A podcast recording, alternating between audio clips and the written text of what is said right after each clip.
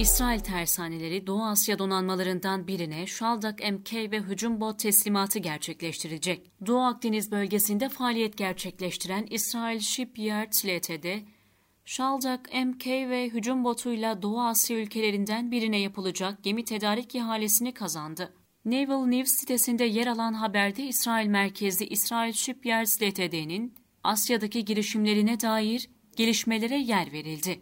İki ülke arasında yapılan anlaşma gemi inşası ile ilgili bilgi transferi, hücum botu satın alan ülkelerin tersanesini yükseltme ve geminin bakımı ile ilgili olarak verilecek eğitim faaliyetlerini içeriyor. Sınıfının en büyük üyesi olan Shaldak MV hücum botunun yüksek faydalı yük kapasitesi ve hızın yanında etkin manevra kabiliyeti gibi özelliklerle öne çıktığı ifade ediliyor. Ayrıca hücum botun ateş gücü deplasman açısından yüksek bir orana sahip olduğu ve münhasır ekonomik bölge ve kıyı sularının korunması gibi deniz güvenliği operasyonlarında rol alacağı belirtiliyor.